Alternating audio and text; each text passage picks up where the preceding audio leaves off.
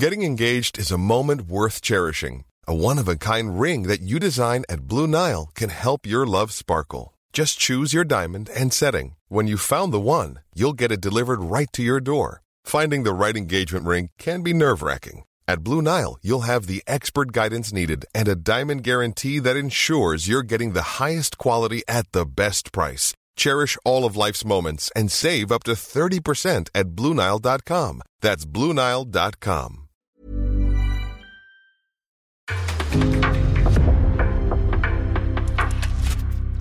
En podcast från Aftonbladet. In the supermarket, you have eggs class 1, class 2, class 3. And some are more expensive than others, and some give you better omelets. That's the wrong information. Wrong, wrong, wrong information. I didn't say that. That's the wrong information. Do you think I'm an idiot? Wrong, wrong, wrong information. Now look at me when I talk to you. Your job is to tell the truth. That's the wrong information. Wrong, wrong information. Sillypodden, det är fredag förmiddag, det är du och jag Makoto idag. Vi ska försöka ta oss igenom den här ganska händelserika veckan ändå, både ur Silly-synpunkt, vi ska också sammanfatta lite vad som hänt eh, på fotbollsplanen i veckan. Vi sa ju det i Premier League-podden att vi eh, skulle använda Sillypodden för att eh, få gå igenom lite av det som händer midweek då i England. Det hände ju en del och det krokar ju i det vi ska prata om i, rent sillymässigt också. För det rör ju Manchester United. Um, så vi ska börja där. Ten Hag, som inte heter Ten Hag, han heter Ten Hag. Men vi säger Ten Hag. För att Alltså, annars om- om blir det nu- ohållbart. Ja, ja, ja, nej, men alltså jag, jag vill bara äh, föra till protokollet att vi vet hur det ska uttalas. Ten när, Hag. när det nu börjas med liksom de här eh, Nevs och Fernandes och så vidare. Det ska vara Bruno. Fernandes. Ja, exakt. Eh, det ska alltså vara Erik Ten Hag. Ten Hag. Eh, och inget annat, men vi, kommer inte hålla på så. Eh, vi kommer kalla dem för Ten Hag. Ja, vi, får, vi får se, vi blandar säkert. Det brukar vi göra här också. Ja, det, det, det, ni kommer förstå vem vi pratar om och det är väl det enda som egentligen spelar någon roll. Ehm, är det helt klart för Manchester United nu, vi har vetat ett tag, eh, att det skulle bli så. Um, ryktena kom för ett par veckor sedan här att det var mer eller mindre klart. Uh, bakom kulisserna så har det väl varit klart ett litet tag. Um, och nu är det helt presenterat och det blir då um, Ten Hag som tar över Manchester United. Det är en jättespännande um, värvning, jättespännande uh, tillsättning såklart. Uh, men det finns många frågetecken kvar som han, som han har att räta ut för att sättet som Manchester United spelar fotboll på just nu eh, och den truppen de har så kommer det ta lång tid eh, i min bedömning att få Manchester United tillbaks till en nivå där de är med och utta, eh, utmanar om titlar. För att det här laget som de har just nu och det sättet de spelar fotboll på, matchen mot Liverpool, det är det absolut sämsta jag har sett ett Manchester United i mitt liv. Och då har jag tittat på Manchester United spela fotboll i över 30 år. Jag kan inte minnas en period då de har känt så här svaga, håglösa, på förhand underlägsna. En trupp som känns som att det finns ingen som eh, borde vara där, det finns ingen som vill vara där. Ehm, de har en kapten som ja, är helt, o, det, det, det är helt obegripligt vad han håller på med. Sen har det hänt massa tråkiga grejer runt om eh, bombhot och så vidare och det, det är liksom verkligen för jävligt och det är liksom så mycket runt Manchester United som är surt och inte bra just nu och det är det här Erik Ten Hag kommer in och ska försöka få rätt sida på. Och det är en jävla utmaning, det är en jävla uppförsbacke han har. Och hans, hans erfarenhet eh, och rutin är ju ändå hyfsat begränsad. Han har varit i Holland, sen har han varit assisterande då eh, för Pep Guardiola i Bayern München. Eh, så att det är ju inte en, man tänker en Louis van Gaal när han kom in med allt det som han hade i bagaget, han har varit ute och sett och gjort allting. Här är ju, det här, det här är ju en, en, en, en manager som kommer behöva tid. För det kommer ta tid för Ten Hag att eh, bygga upp det här igen. Alltså, jag känner ju att det här är den, på förhand så är i alla fall i mitt, mitt tycke så är det här den smartaste tränarutnämningen de har gjort sen, sen de började den här kavalkaden att försöka Det ersätta håller jag, det, det håller jag med om, jag, jag ty- Eh. tycker det är jättespännande. Ja, jag tycker det är helt rätt val. Ehm, det sa man i och för sig först om David Moyes att det skulle bli spännande där också, men det vart det ju inte överhuvudtaget. Eh, sen har man ju på något sätt svamlat. Man har svamlat mellan att plocka typ baserat på väldigt stort bagage och CV alla Fanchal eller Mourinho. Alternativt gå bara enbart på vad hjärtat säger i form av Ole Gunnar Solskär eller bara helt förvirrat plocka in en interimlösning som överhuvudtaget inte fungerar i form av Ralf Rangnick. Eh, här tycker jag att du har sonderat terrängen, du har kommit fram till och plockat ett av de intressantaste tränarnamnen i, ja, i världen skulle jag säga. Som jag är förvånad över att ha suttit i Ajax så länge som han har gjort, sett i vad han har gjort med det här laget i, i Champions League, sett i vad han gjort med det här laget i ligan och sett till hur det laget spelar fotboll och sett till hur många spelare som går in i det här Ajax och blir genuint bättre. Det är det som har varit problemet med United också, att spelare går ju till United och blir sämre. Det är väldigt få som går dit och blir bättre, det är väl Bruno Fernandes undantaget nästan.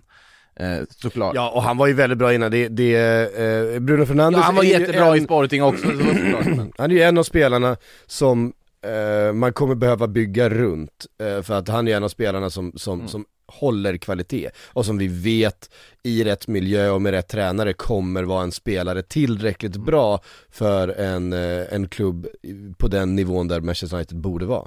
Sen, sen måste man ju komma ihåg att det är i princip samma trupp som Ole Gunnar Solskär hanterade och ändå gjorde helt okej resultat med och ändå lurade oss allihopa att tippa dem på Champions League-plats. Lurade mig till att tippa dem tvåa inför säsongen. Det är ju i princip samma trupp plus förstärkningar i form av Jadon Sancho, Varane, Ronaldo som har kommit in eh, inför den här säsongen. Så att jag tror ju att mycket sitter ju i miljön, mycket sitter i Alltså bara den här onda spiralen man har börjat vandra ner för. Jag tror att spelarmaterialet som sådant det finns spelare som absolut kommer att kunna lyfta sig under en ny tränare. Det finns spelare som absolut inte ska vara där och har förbrukat sina chanser också. Men det, är, ja, det blir väldigt intressant att se hur mycket makt kommer Ten Hag ha att, att välja och vraka bland spelarna han vill köpa eller han vill plocka in till sitt system. För det här är det viktiga, nu måste du börja värva för ett system. Du måste värva spelare som uppenbart passar in, inte bara spelare som den här spelaren är väldigt, väldigt bra. Vi värvar den nu för att vi har råd. Inget mer sånt, och nu måste du plocka rätt, spel, rätt speltyper, till, sett till vad du har för trupp, sett till vilka som försvinner, sett till den fotboll som Ten Hag nu kommer att vilja spela. Det är ju inte säkert att han kommer att implementera exakt samma idéer som han gjorde i Ajax, för han har ett annat material att jobba med här. Men det, det eh, som jag har gjort, jag har försökt göra en, en ganska omfattande eh, research på i- i- inför det här och lyssnat Ja, på ni en- lyssnar alltså på Sillypodden, där Med research. en omfattande research. Ehm, nej, men lyssnat på spelare som har spelat för honom, journalister som har följt honom länge, ehm, olika bedömare och folk som kan holländsk fotboll. Ten Hag är ju enormt mycket en produkt utav den holländska totalfotbollen. Ehm, ehm, han, ehm, eh, han har ju då eh, assisterat eh, under Pep Guardiola, Ja. som ju också är såklart en, en anhängare utav den holländska totalfotbollen. Ehm, Den Cruyffiska skolan. Precis, det är ju alltså Johan Cruyff. Eh, Johan Cruyff var ju Pep Guardiolas eh, stora förebild och mentor eh, i Barcelona. Eh, Ten Hag har Johan Cruyff som sin eh, absolut största förebild i livet. Mm. Eh, och han ska tydligen ha uttryckt att hans största sorg i livet är att han själv aldrig fick, eh, fick träffa Johan Cruyff och aldrig fick jobba med honom men han liksom, eh, för han har så mycket fotbollsidéer runt, eh, runt den här holländska totalfotbollen som han hade velat då bolla med skaparen, eh, den, den, den ursprungliga geniet. Eh, och att han själv då sa att när han väl fick jobba med Pep Guardiola så var det så nära man kunde komma. Eh, och att han då fick möjligheten att bolla sina idéer, att, att, att få en bekräftelse för att den fotbollsfilosofin som han trodde på, den som han stod för, faktiskt var en som var gångbar. Och att han då eh, fick inflytande och, och fick liksom bolla det här med Pep Guardiola under och att det var oerhört värdefullt. Eh, så att det är ju en, en tränare han nämner eh, ofta då som har betytt väldigt mycket och sen har han ju kommit till Ajax. Så det som är också det är spe, speciellt med Ten Hag är att han en lite annorlunda eh, karaktär. Han är liksom inte, eh, han kommer från början från en väldigt rik familj, han kommer från eh, en eh, ganska extrem överklass faktiskt. Hans eh, familj driver ett stort fastighetsbolag, eh, hade mycket pengar, han förväntades bli företagsledare, precis som hans bröder har blivit då i det här eh, familjeägda fastighetsbolaget. Han har aldrig behövt pengar. Det har aldrig varit en, motiv- en motivering för honom, för pengar har han alltid haft i hela sitt liv. Eh, och det är inte det, han drivs av. Han drivs inte utav prestige, det har också liksom funnits, eh, han, han, han drivs utav andra saker, han drivs av en, eh, en enorm passion för fotboll, han älskar fotboll, han lever fotboll. Eh, han jämförs ofta då med, med många av de här bästa tränarna i världen som Pep Guardiola, Jürgen Klopp och så vidare, för han är otroligt intensiv. Och väldigt, väldigt detaljstyrd. Det finns historier om hur ehm, ehm, Ehm, eh, vaktmästaren ställde upp vattenflaskor på ett sätt som inte passade honom. Det stod bara random på ett bord och vem som helst fick ta en vattenflaska. Så kan man inte ha det, det måste vara ordning och reda så att han ändrade liksom ordningen som alla fick ta vattenflaskor i, i omklädningsrummet. Det är, alltså, det är ner på varenda liten mi- mikro eh, Eh, detalj. Alla spelarna ska in på Ten Hags eh, ehm, kontor efter varje träning, efter varje, efter varje träning för att titta på filmat material och se vad de gjorde fel, vad de gjorde rätt och vad de ska göra bättre. Och såklart efter alla matcher. Det är oerhört intensivt att, att spela under Erik Ten Hag. Han, han, ehm, det är hans idéer, det är hans filosofi, eh, det är hans detaljer och allting måste du utföra precis så som han säger det. Annars så är det tack och hej. Jag tror att det är helt rätt. Alltså det, det är helt rätt den typen. Du, du, du har liksom gått igenom Ole Gunnar Solkärrs barnehage här innan.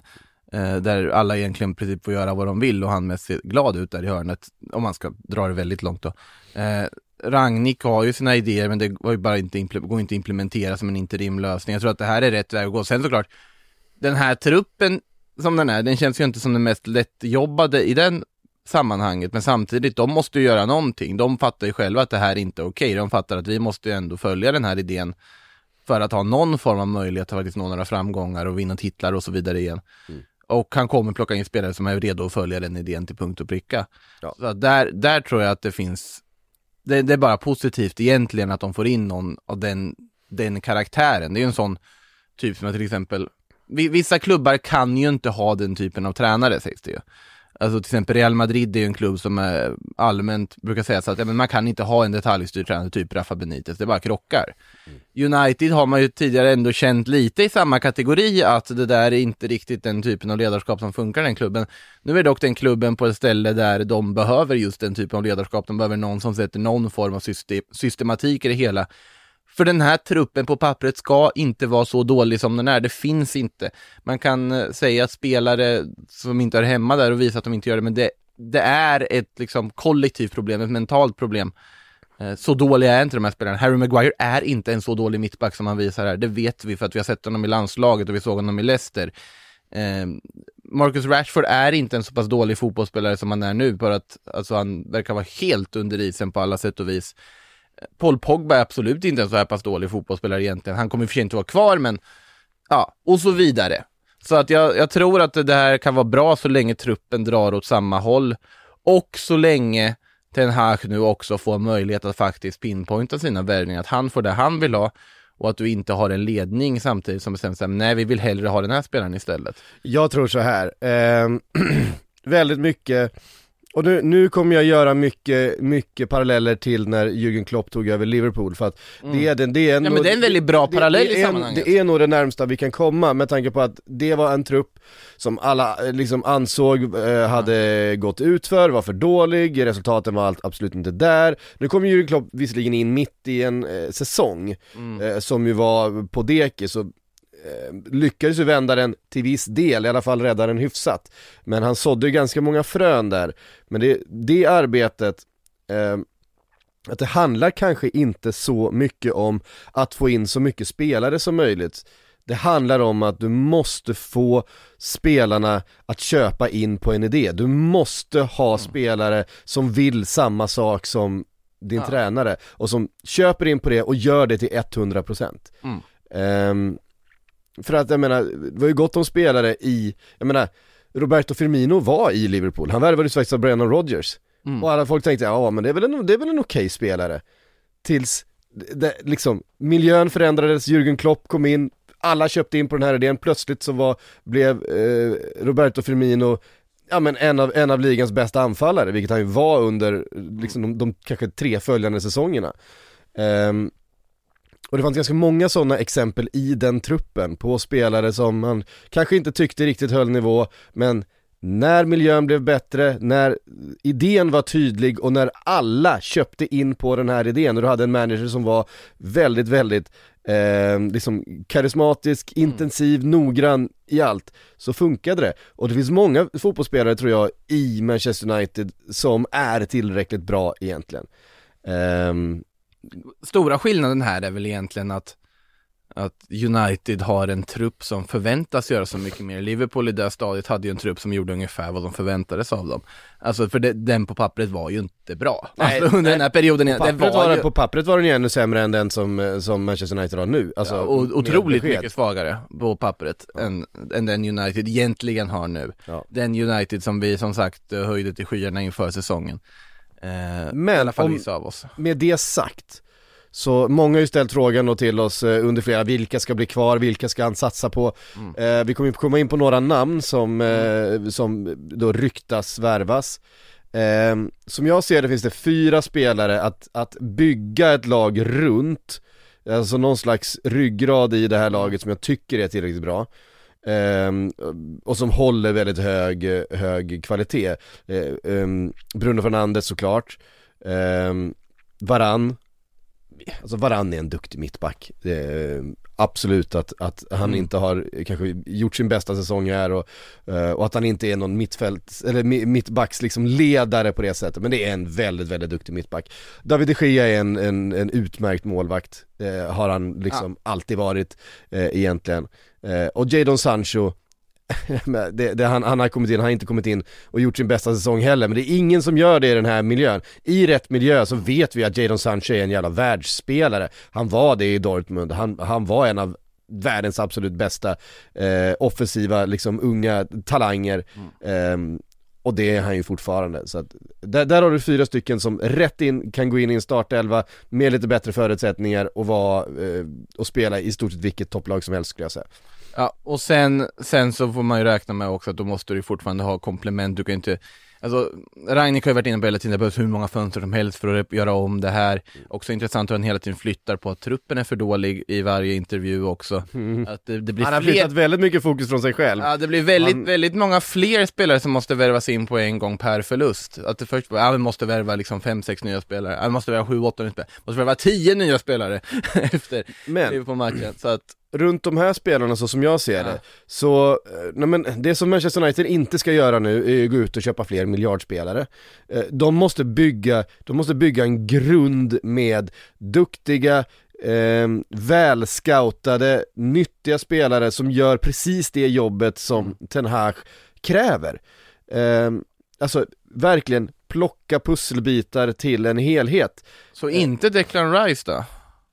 Ja, Declan Rice tycker jag i och för sig är... Men där har du en miljard, det är ju det som är problemet här. Han, han, han är ju visserligen miljardspelare, men, men nu kommer jag gå tillbaka till Liverpool igen. Han behöver hitta en Andy Robertson, en Gini Wijnaldum, alltså en Gini Wijnaldum för vadå? 15 miljoner pund från en nedflyttat eh, Newcastle, kommer in och eh, är helt avgörande för det här laget. Ehm, det är klart man kanske inte hittar en, en, en vänsterback i, i Hall för 8 miljoner pund som bara visar sig vara en av världens bästa. Ehm, det, så lätt är inte det eh, att utföra, men så mycket av de här komplementspelarna som har kommit in, alltså du, du värvar, du måste värva rätt karaktär och rätt typ. För nu har du en tränare som förväntar dig att alla spelare på planen ska anfalla, alla pel- spelare på planen ska försvara. Det, det kommer vara holländsk totalfotboll, vi har ju sett Ajax spela, det, det kommer inte, han kommer inte kräva någonting annat än, alltså spelarna kommer behöva träna mer än vad de gjort i, sitt liv, de kommer behöva träna mer intensivt, de kommer behöva ha en briefing inför varje träning, exakt vad de ska träna på och sen kommer de behöva en debriefing på, den trä, på det träningspasset, vad de har gjort fel. Alltså det kommer vara eh, mer detaljstyrt och mer intensivt än vad de här spelarna har varit med om tidigare. För det, det är den uppfattningen jag har fått om Ten Han, han är som Guardiola och de, fast han är värre. Ja, fast alltså så här. Ja, det finns, du har ju viss begränsning hur mycket du kan värva, du kan inte värva in tio nya spelare, det kommer inte gå. Och jag tror inte Eh. de behöver det. Jag menar, Ja men du måste ju, alltså om du ska hitta de där eh, liksom så här guldkornen och så vidare samtidigt, det blir ju väldigt många spelare. För jag räknar ju med att så här, titta på det här, Alex Telles och Luke Shaw som vänsterbacksalternativ. Det har inte funkat i år, men samtidigt, vi vet alla vad Luke Shaw gjorde för något år sedan. Han var helt strålande. Vi vet vad Telles kan göra. Det är fullgott liksom vänsterbackspar. Om de har ett okej system runt sig och köper idén, då funkar de alldeles utmärkt. Jag vill ju, Aaron Wan-Bissaka går att säga väldigt mycket om, men till exempel Diogo Dalot tycker jag är en fullgod högerback egentligen. Det är absolut en truppspelare.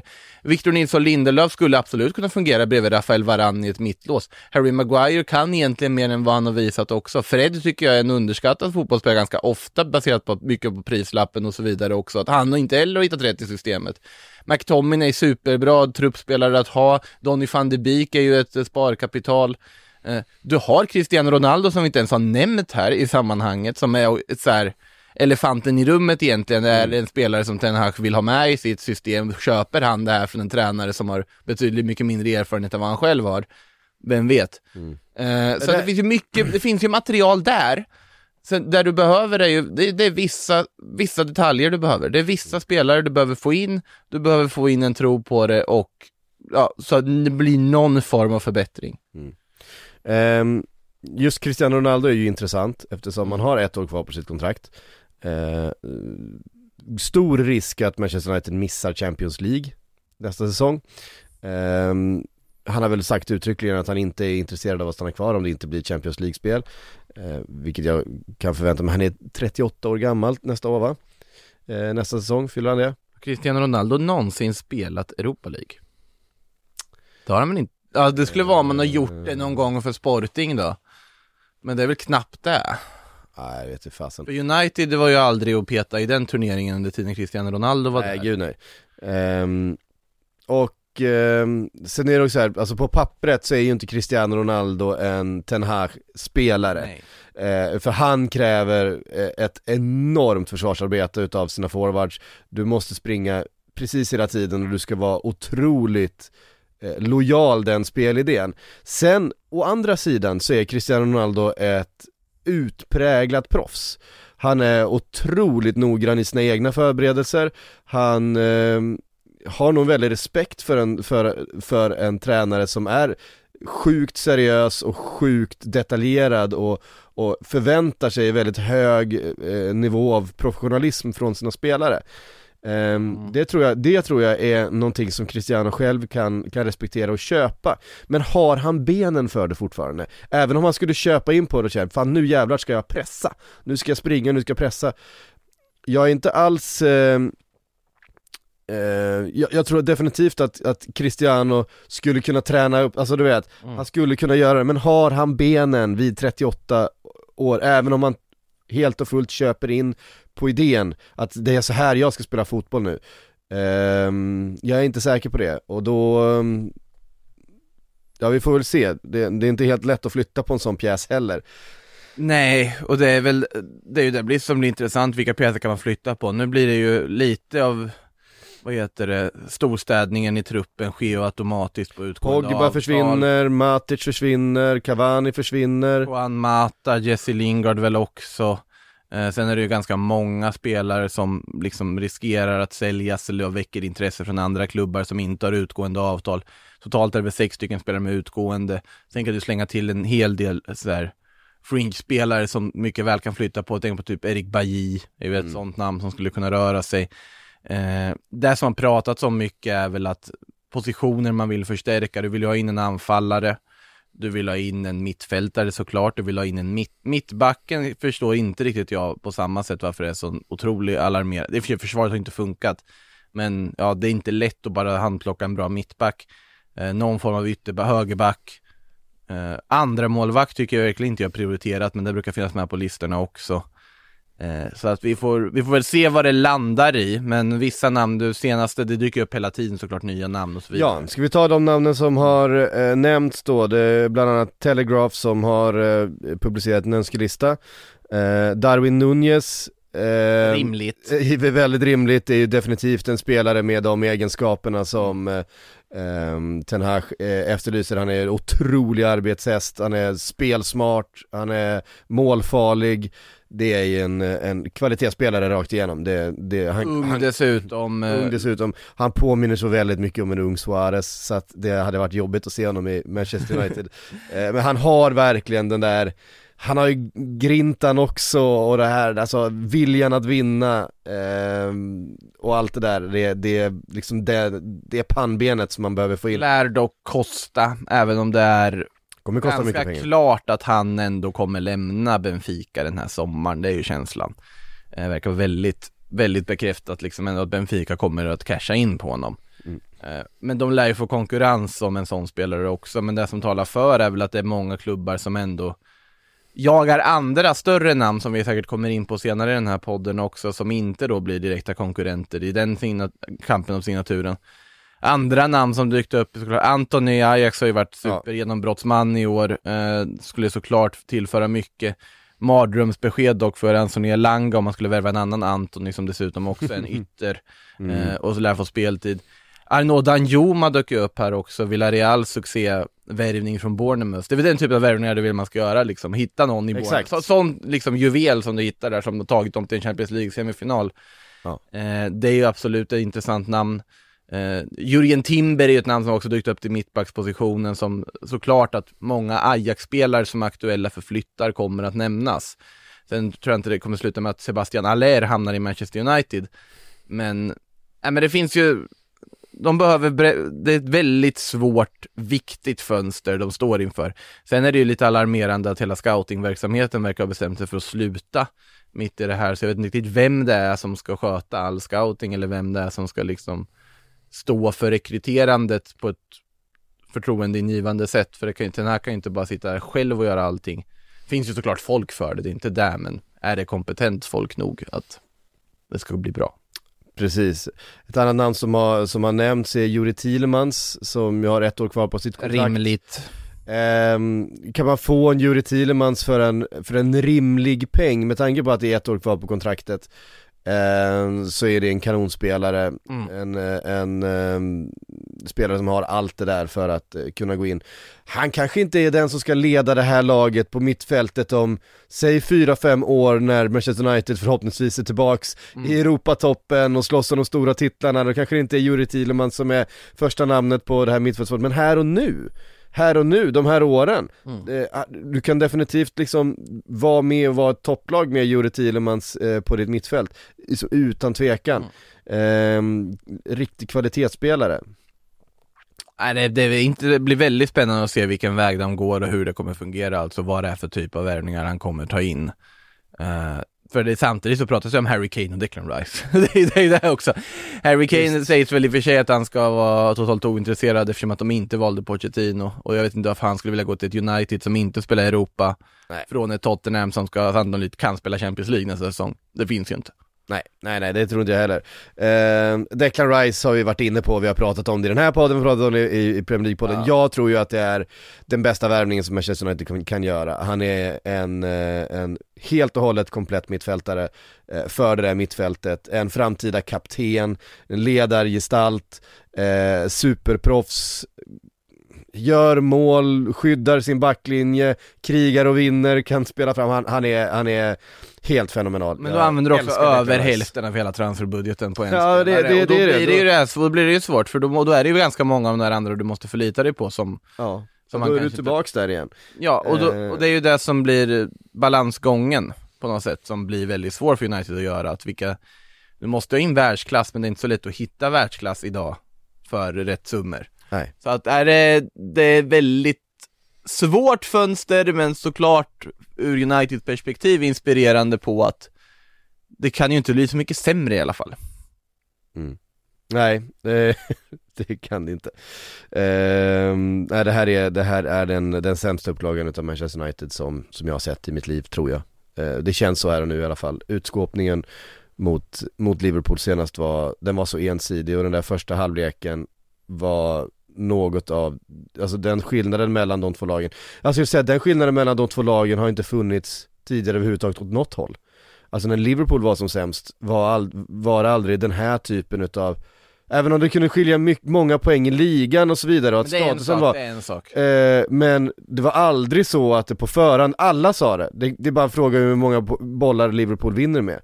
Och så blir det så, alltså det var liksom så här även under de åren, eller, eller de åren när liksom, eh, så ta ett par år tillbaka, jag menar Solskär och United hade, det var ändå alltid liksom en oerhört svår fotbollsmatch att möta Manchester United. Det, det var liksom inte ett lag som, där någon utav deltagarna bara ställde ut skorna och gav upp på förhand. Men det var känslan i tisdags. Jag, jag kan uppriktigt säga att jag Alltså till och med, till och med i höstas, alltså 5-0 matchen, det står 4-0 i halvtid Så kändes det som att det fanns Åtminstone Vilja. en vilja och en inställning hos Manchester United, men den fanns ju inte kvar Det var ju bara så jävla håglöst och alla, ingen visste vad de skulle göra, de sprang runt och tittade på varann och undrade vad fan är det frågan om Eh, och sen- Varandra då, inte varann på läktaren.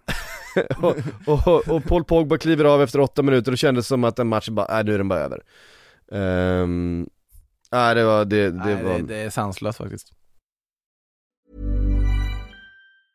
When you're ready to pop the question, the last thing you want to do is second guess the ring.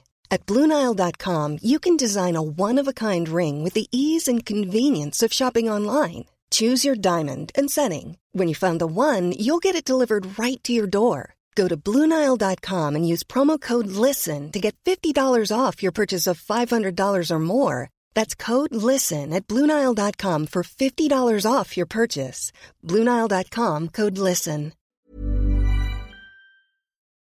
Ska vi ta oss till en annan del av Manchester? vi, eller vi, tar, vi tar oss till en liten annan, en, en, en, en liten bit därifrån, nu har vi pratat eh, Manchester United och Hag länge Manchester City har ju ett ganska bra lag och en ganska bra tränare redan och är rätt eh, eh, långt fram i sin utveckling av att vara ett, ett komplett lag eh, Eventuellt blir de ännu lite mer kompletta när Erling Braut Haaland ansluter till sommaren, vilket mer och mer pekar på Ja, det kom ju uppgifter här nu från diverse håll där om att han är överens med City, har valt City. Sen är det uppgifter som säger annat, att nej, han har inte beslutat än vad han ska göra.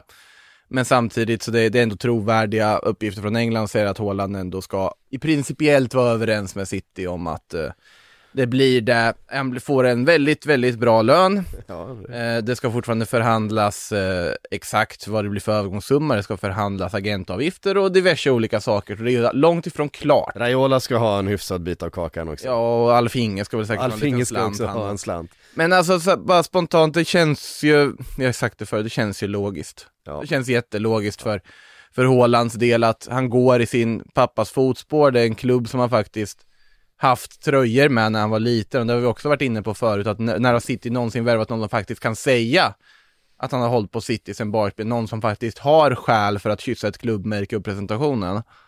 Uh, det har vi ju inte sett förut ehm, i City-fall. Och det tror jag betyder jättemycket att få in en sån, på den positionen verkligen behöver någon också. Ja. Eh, som säkert också skulle gå helt helhjärtat in under Guardiolas idéer och eh, liksom underkasta sig dem till fullo. Som är, verkar vara framtagen i ett labb, precis som Manchester City som lag. Ja. Eh, det passar ju perfekt på alla sätt och vis så han kommer ösa in mål. Att sen, så här, det var ju Real Madrid som var med i matchen. Det här är ju, det jag, tycker jag är ett tecken på att de här uppgifterna dyker upp, är ett tecken på att, ja men Kylian Mbappé hamnar nog i Real Madrid ändå. Det kanske inte blir den där förlängningen med PSG som alla pratar om, för då vet jag inte vad Real Madrid har för idéer riktigt. Eh, om de inte får varken Mbappé eller Haaland. Men nej, det som sagt, ja, me- mesta pekar på City även om det inte är klart och eh, City får en perfekt värvning. Haaland hamnar i en klubb som kan slåss om alla titlar. Eh, lär göra massa mål. Mm. Får förhoppningsvis vara skadefri, för det är väl det som är lite orosmomentet här, att skadehistoriken sen säsongen har inte varit. Ja, Han har varit, eh, haft mer skador den här säsongen än vad han har haft tidigare. Nu är han ju ung liksom och det, den här typen av säsonger kan ju dyka upp och inte betyda så mycket. Eh, men Men det, det är ju alarmerande när han när han då ber om att det inte ska skrivas om eller pratas om eller man lägger locket Mm. på hans senaste skad, skadekänning Mm. av skäl att liksom övergången, att det är övergångssommar liksom. ja. Då undrar man ju vad är det som är ett problem här? För det är väldigt ofta han missar matcher, det är små skavanker hit och dit. Jag förstår för Real Madrid tvekar. För det ska de ju ha gjort också baserat på det, för de har ju har ju en historia på senare tid av att lyckas värva väldigt dyra stjärnor som inte spelar så ofta eller kan spela så ofta. Eh, så att, nej men eh, förhoppningsvis håller han sig skadefri, förhoppningsvis så blir det bra för honom och han får eh, ösa in mål för City. Eh, det är väl det som är känslan just nu. Ja det är ju tanken och det, vi har pratat om det förut också men, men det här med att Manchester City, de har ju en grej som de verkligen saknar och det är det, genuiniteten. Mm. Eh, det, det är ju, visst nu har de Phil Foden som är en egen produkt som är från Manchester och så vidare. Eh, och det är det de kan liksom hänga upp sitt lag och sin, eh, den här kontakten mellan läktare och, och men, men de har inte så mycket historia att titta tillbaks till. De har inte alla, du vet, de här eh, eh, legendarerna som sitter i tv och, och men du vet som Manchester United och Michael Liverpool och Richards sa de i och för sig i tv. Richards, herregud han sitter i han TV. sitter, han sitter i tv som någon slags alibi, det stämmer men, men de, de, ehm, de saknar vissa sådana här storklubbsattribut eh, som de flesta De kan inte vinna Champions League hur mycket de än försöker, det är ett storklubbsattribut. Eh, Eh, Ja, li, li, lite så, men här kommer ju någon som har liksom en, eh, en historia till klubben genom sin pappa och Mm. genom att han ju faktiskt bodde i Manchester några av sina första år i livet ehm, växte upp då eh, i Manchester för att Mm. eh, Alf Inge spelade i Manchester City Det har ju också, ett tecken på att det, det börjar närma sig det här är ju att alla de här, alltså så här gamla bilder börjar läcka ut nu på, på nätet där det dyker upp mer och mer när, när ehm, Erling Braut eh, som står i Manchester City-tröja eller är på eh, gamla, vad hette den nu då? Jag har glömt bort vad deras gamla stadion hette eh, Som de spelade på på den tiden Main Road? Main Road ja, såklart eh, Och så vidare. Eh, Och det, det är ju ett, eh, det är ett bra tecken när det börjar, när det börjar läcka ut eh, sådana där. Och det jag menar, här kan de ju plötsligt göra en, en presentationsvideo som att här kommer en superstjärna hem till sina rötter och så vidare. Ehm, Och det tror jag inte man ska underskatta. Jag ska, tror inte man ska underskatta det varu, varumärkesbyggandet för det är ju Manchester Citys största problem. Mm. Att de uppfattas som lite plast, lite fake bara um, ett, eh, ett lag som bara har köpts ihop, det har inte liksom vuxit fram ur någon slags dynamik. Eh, Medan här finns liksom en dynamisk krok att, eh, någonting att stoppa ner i jorden. Och det är så passande också att då den här, den här kroken som sätts i jorden dessutom är just en spelare som Erling Braut Haaland som på något sätt, jag vet, jag vet inte, alltså bara symboliserar eh, Liksom, jag höll på att säga allt som är fel med ungdomsfotbollen, så långt kanske vi inte ska gå men alltså så här, han är hårt. han är, ja det var väldigt hårt men alltså han, nej men han, han ser ju verk, han ser ju verkligen ut som skolgårdsmobb, han ser ut som den här liksom The Jock i eh, liksom gamla, gamla high school-filmer. Sergio Ramos är lite den auran också, men han är ju en försvarare, det är inte lika. Alltså han, han gör alla målen, han är lång, stor, kraftfull, lite små, alltså lite tystlåten och burdus. Är det, Ja. Alltså hela hans aura är ju bara, passar ju på något sätt. Och sen, måste komma, han är, 20, vad är han, 21 år gammal. Och de får honom nu såklart, och för hans del, absolut. Han kanske har en dröm att spela i Spanien någon gång, som det ändå pratats om att han skulle föredra det. Ja, det finns ganska många år kvar att göra det. Ifall du väljer att skriva på ett femårsavtal med City här och spela och sen får vi väl se vad som händer om fem år. Ja. Då kanske han tycker att, men nu, nej City vann inte Champions League under de här fem åren trots allt. Mm. Nu vill jag gå till en storklubb. Om vi fortfarande har den diskussionen då eller om City har normaliserats och blivit en storklubb då, det vet jag inte. Um, är det, är det, det är logiskt. Ja, det, är, det är väldigt logiskt och det är oerhört skrämmande Alltså det är ju läskigt, jag menar, Ah, nej. men, men, Manchester, men Manchester City med det sättet de spelar Med att stoppa in en, en Haaland i det laget, alltså det Får de ihop det här, vilket jag inte tvivlar en sekund på att Guardiola kommer få Mm. Så kommer det vara ett lag som är väldigt, väldigt svårt att spela mot Väldigt svårt Ja det är de ju nu också. och det är de ju redan, men ett lag som, jag, jag, jag ser inte riktigt hur man hindrar dem från att göra mål Om jag ska vara riktigt ärlig, med liksom De Bruyne, Bernardo Silva, Phil Foden, Sterling, alltså Mahrez, alltså som bara Gör så mycket rätt, skapar så mycket ytor, får in så mycket bollar, bara etablerar sånt tryck och sen så har du en sån eh, dödlig boxspelare som, som Haaland är, som slår sin försvarare hela tiden, som vinner sina dueller, eh, som kan vinna löpdueller, som han kan vara target om det skulle behövas. Har tugget på plan också. Ja, ja, Alltså, han det, kan- han- men det är ju det. Han kan grisa och bråka och ta den här fighten med, eh, med elaka engelska mittbackar liksom utan, utan problem.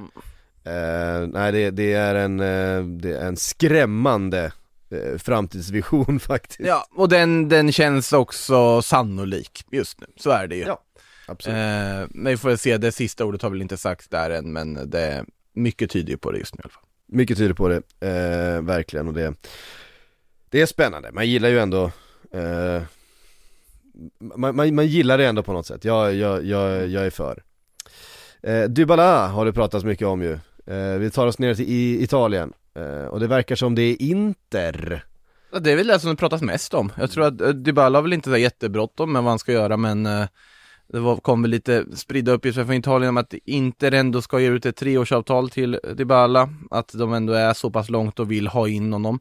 Jag tror ju spontant att det är en supervärvning för dem. Nu vi får vi se om de behåller Lautaro också eller om de cashar in på honom. Han gjorde ju en alldeles strålande match här i, vad heter det, i cupsemin i veckan. När Inter eh, avfärdade Milan ganska enkelt där med 3-0. Eh, och då var det när Lautaro fick spela med Korea istället för med Dzeko. Han fick spela med en mycket mer liksom tekniskt, djupt liggande, spelfördelande typ av anfallare som passade Lautaro perfekt att spela tillsammans med, tyckte jag i den här matchen. Det är någonting man väntar på att få se, men Korea har varit skadad mycket. Eh, jag tror Dybala i den rollen med Lautaro, herregud vad bra det skulle kunna bli. Eh, och ha någon som en av två där. Eh, jag tror att det, det är en supervärvning av dem om de kan lyckas. Och gratis dessutom. Och prestigevärvning på att de plockar en av Juventus bästa spelare från Juventus. Ja, Eh, så att det är, den, jag förstår för Inter vill, jag kan se varför Dybala ändå är lockad, för han trivs ju ändå i Italien och har gjort det bra där och den liga han kan och som han kan bevisa mer i också dessutom så att eh, jag, Inter känns ju rimligt på alla sätt och vis tycker jag, beroende på vad det är för andra aktörer från andra länder som skulle kunna blanda sig i. Jag vill ju inte släppa att Liverpool borde ändå blicka lite däråt. Eh, men eh, vi får väl se, men Inter just nu är väl de som det pratas mest kring. mm. Um, Vi eh, har också Rydiger med utgående kontrakt och där verkar det inte alls vara färdigt än så länge. Vi, vi har ju placerat honom i massa olika klubbar och känt som att, eh, nej men ena, ena stunden var det Juventus och nästa var det Real Madrid och sen så eh, Manchester United och eh, ja, vi, får helt enkelt se. Han, Bayern München har det pratats också om. han verkar inte stressa allt för mycket heller, eh, verkar snarare vänta in Chelsea och det som sker där också av respekt för klubben, för jag tror inte han skulle ha någonting emot att förlänga med Chelsea och stanna där. Han, han har ju gått alldeles utmärkt där och varit alldeles strålande på alla sätt och vis och viktig för dem. Eh, samtidigt, Real Madrid-spåret har ju på det sättet vaknat igen nu. Det har ju varit, sov ju ett tag där det var liksom agentplanterat och så vidare. Men nu verkar det ändå vaknat. Ass hade väl här idag till och med en, eh, en etta där de eh, hade Kylian Mbappé och sen de här ska man bygga med kring Kylian Mbappé. Då var det ju två personer. Det var ju Aurelien Chouameni som vi har pratat om förut i den här podden, defensiva mittfältaren i Monaco och det var Antonio Rydiger. Eh, en mittback, en defensiv mittfältare. Eh, och jag tror alltså såklart Rydiger skulle vara en jättebra värvning. Sen vart han skulle gå in exakt. Eh, Alaba Militao har ju varit självklara första valet där tidigare här nu. Det är väl om man flyttar ut Alaba som vänsterback då. Eh, för Lamendy har inte varit riktigt lika bra som han var tidigare och är ganska skadebenägen. Eh, Marcello lär lämna. Så då skulle det vara om man spelar Alaba, Militao, Rydiger och sen eh, ja, hög... Alltså man, kan ha, man kan ha tre världsklass mittbackar i en, i en trupp som, är, som Real Madrids, det är inga Nej, så är det ju också. det- Så är det ju också. Det är ju inga konstigheter Sen borde jag tycka att man snarare borde lägga kraften på att försöka värva Reece James som det också har pratats om att man vill göra. Eh, för de behöver en högerback och Reece James. Jävla bra han är Ja, men det har, ju- de har ju börjat lite nu också. Det var ganska tydligt att Karim Benzema bytte tröja med Reece James efter, eh, efter då ett kvartsfinal i Champions League. Spanska påverkansoperationer Vinicius var inne på Instagram där och kommenterade bra match och så vidare så att såklart att det har börjat tisslas och tasslas lite för att se bara sondera terrängen med tanke på vart Chelsea är just nu. Chelsea om att hämta. Ja, om, vi då ska, om vi då ska följa upp lite vad som hände i veckan, Chelsea som ju åkte på Ja. pumpen mot Arsenal. Den här såg jag inte komma kan jag säga. Nej, jag satt väl och bara hånade din Kettia här inne och sen så bara går han in från ingenstans och... Men det var väl ingen som såg att Edin Kettia skulle göra två mål i den här matchen? Nej men, men Arsenal, superform, plötsligt så bara trillar av en kant, tre raka torsk i matcher som de ska vinna, sen bort till Stamford Bridge och vinna med 4-2. det, går inte, det går inte att begripa det här laget, vad håller de på med? Nu tycker jag, nu är de ju med igen, det kändes som att de spelat bort sig från den där fjärdeplatsen. Nu är de ju på samma poäng som Tottenham, Ja, eh, visserligen med sämre målskillnad men det kommer ju tappas poäng där. Jag Eh, skulle inte förvåna mig om, om Chelseas tredje plats är i så under säsongen på slutet. Det finns ingenting som är något logiskt med någonting. Alltså innan, innan United åkte till eh, Anfield så hade det väl till och med de lite liksom häng. Nu har de ju tappat det såklart men ja, eh, Ja, de är nere på sjätte plats med Manchester United, de är ju då tre poäng efter Spurs Arsenal med en match mer spelad så att ehm, Men fem, ska fem, spelas också. det är fem, ja hängmatchen ska spelas, det är fem matcher kvar, det är klart det kan hända väldigt mycket än så länge. Eh, Chelsea är fem poäng före med en match mindre spelad så att deras tredje plats är inte, är inte hotad eh, skulle jag ändå säga. Men ehm, Ja, Chelsea behöver ehm, de har väl hamnat lite nu, eh, inget vidare Europaspel De kommer inte röra sig någonstans i ligan, Rydiger var ju skadad nu, spelade inte mot Mm. Arsenal Ja, det Eh, var är väl klart att det Sar är Christensen i mittlåset är väl inte deras första val direkt. Nej, verkligen inte, och ehm, Den Barcelona-klar är Christensen. Ja just det. Mm. Eh, så att det är klart att motivationen går ju ner lite grann eh, i det här skedet på säsongen när eh, man har en fa Cup-final och det är, den, eh, det är det man har kvar egentligen att, eh, att spela för. Resten utav säsongen är ju mer eller mindre gjord vid det här laget Ja. för, för, för Chelsea skulle jag säga. Eh, och då är det klart, då kan det, då kan det bli så här. Eh, jag tror kanske det var lite en, en, en tillfälligheternas produkt att, att det blev så. Så är det ju, och det är ju så här, derbymatcher lever sina egna liv också. Så är det ju alltid. Ja. Och det här Arsenal, på tal om det här med att ligga långt ifrån, Arsenal för några år sedan känns som att de var långt ifrån i allmänhet. Nu är de ett så pass slagkraftigt lag att de ändå kan de är i ett läge där varje derbymatch faktiskt lever sitt egna liv, där de faktiskt har chans att Vilka, mö- vilka möter Arsenal imorgon? Ja, det blir ju väldigt spännande. Manchester United. Oh, just det ja. Eh, den blir väldigt intressant att se den matchen. Det... Alltså det man, det man ser framför, med, eh, framför sig är ju att Harry Maguire går ut och bara springer som han aldrig har gjort, han kommer bara springa runt för han vill visa för Ten Hag att han, att han kan spela totalfotboll Men istället springer bort sig och springer åt fel håll i 90 minuter eh, det, det, den blir väldigt spännande att se. Förstå vad det hade betytt för Arsenal. Om de skulle få en riktigt stor seger. Alltså, det var väldigt många år sedan nu, men 2-8 minns man ju. Ja. Eh, den, den glömmer man inte bort i första taget, den liksom galna tillställningen där United i sitt esse bara kör över ett Arsenal. Nu kommer det absolut inte bli sådana siffror här med det här Arsenal, det, det kan jag inte Nej, se på nej, kartan. Men Arsenal är ju faktiskt, när har de gått in som någon sorts förhandsfavorit i ett möte med United? Nej det, när, var, när var senast? Det var ju typ när Invincibles var igång. Det var liksom den, det var den senaste gången som det ja, det var ju knappt då att de var Ja mot United var de ju knappt favoriter då. Det, Nej, ja, precis. nej, det, det, det blir väldigt intressant match på alla möjliga sätt att se ja, faktiskt. ja det blir det Sen har de ju emot sig i Arsenal att de spelade sent mitt i veckan och sen är den tidiga lördagsmatchen eh, Så att eh, vi får väl se hur, hur mycket det påverkar. Å andra sidan så har, jag vet inte, har inte sett vad det var för skada Paul Pogba gick ut med Eh, kändes som att han mest inte ville spela, spela vidare om jag ska vara riktigt ärlig. Han tog sig lite mot låret och sa, nej det här skiter jag i. Det här, det här är Eh. inte bra för min branding när jag ska, ska det, förhandla Men om han- kontrakt med andra klubbar. Ehm, nu är väl McTominay kanske på väg tillbaks. Ehm, De måste ju få tillbaka McTominay eller Fred eller någonting snart de, alltså. måste Det- få in en, de måste få in en mittfältare för att Ja, ja men det, det håller ju inte. Du, jag vet inte om man ska börja titta på att verkligen kasta om. Jag vet inte, man såg Juventus undrar om inte McTominay var med på bänken där men Ja, de, de behöver ha in honom eller någonting i alla fall. Jag vet, Juventus har ett liknande problem här som jag såg i, eh, hade äran att kommentera här i onsdags när man, ja det blir ju inte Juventus i Coppa Italia final kan vi säga, det blev ju klart här nu också. Eh, med ett Juventus som hade 30% bollinnehav vinner med 2-0, men de hade ju i princip inga mittfältare tillgängliga. Det var bara Rabiot och Zakaria. Och man har ju då gjort om Danilo till innermittfältare. Ehm, det funkar förvånansvärt okej. Ja. Eh, men det är kanske sånt som United borde börja titta på, att vilk, vilken av våra wingbacks kan vi göra om till innermitt? eh, alltså någon, det kanske är dags nu för det här Lindelöf-experimentet. ja, precis. Det är väl kanske nu vi ska, bara, bara testa lite. Bara, lev lite Ralf. Mm. Le, Hitta le, på lev något. lite, det finns inget att, det finns inget att förlora här, något förutom kul. en eventuell Ja. Champions League-plats.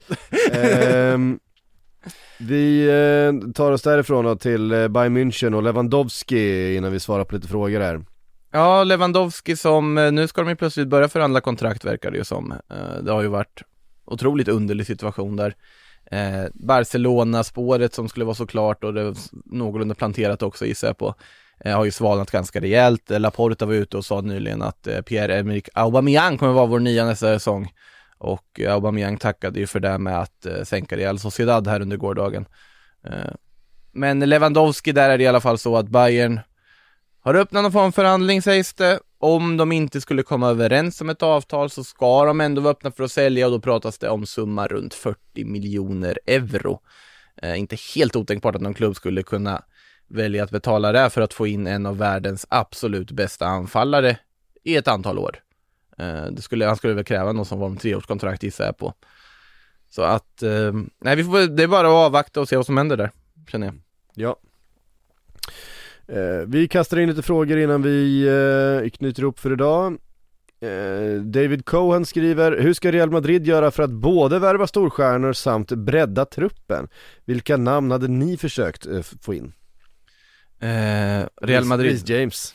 Ja, Reece James tycker jag faktiskt är en supervärvning om de ska lyckas. Det kommer kosta. Gud, ja, han är ju, han är Nej, jag tycker helt kan- magisk. Han Nej är, men för Carvajal har inte varit bra. Nej. Jag, jag, är, har ju, jag är ju svag för Lucas Vasquez har alltid varit det, men han är ju egentligen inte en högerback. Så att, att, att eh, i FA Cup eh, semifinalen mot Crystal Palace så var han alltså nere och spelade till höger i en trebackslinje.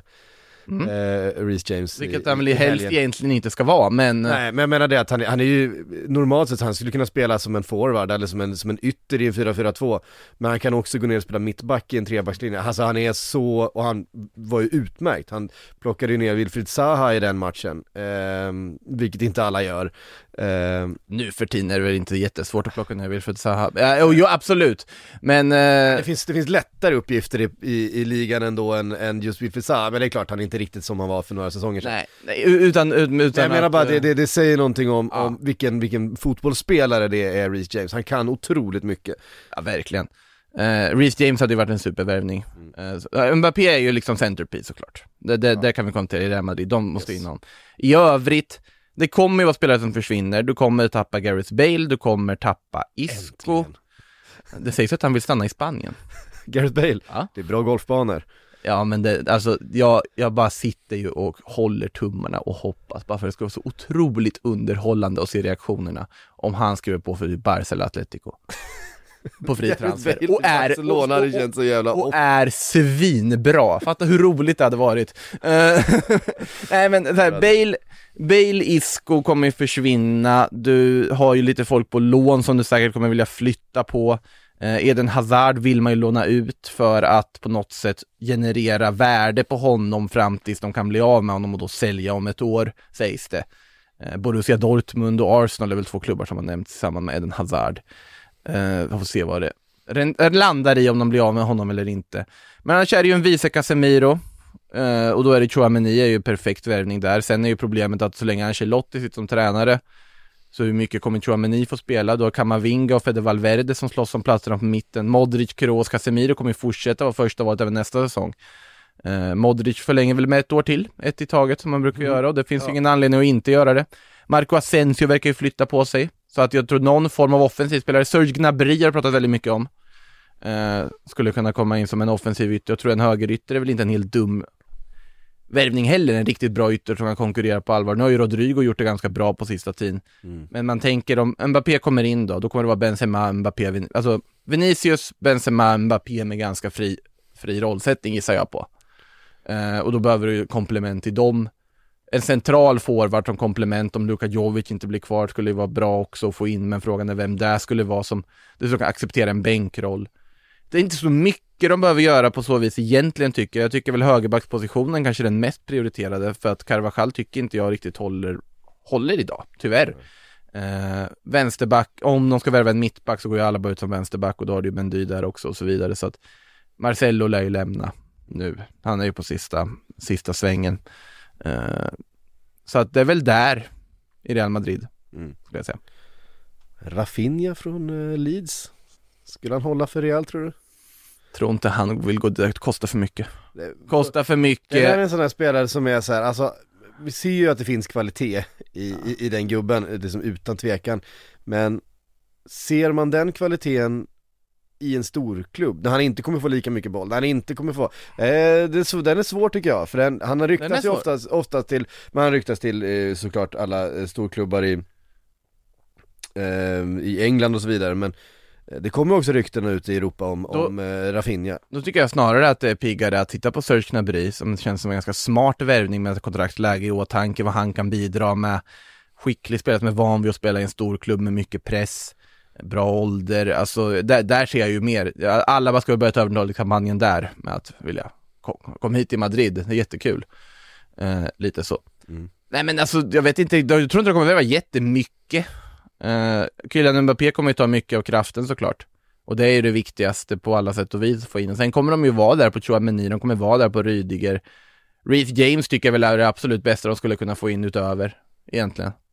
Eller någon form av högerback. Sen är så här, Real Madrid värvar ju inte vilken typ av spelare som helst. Det är det också.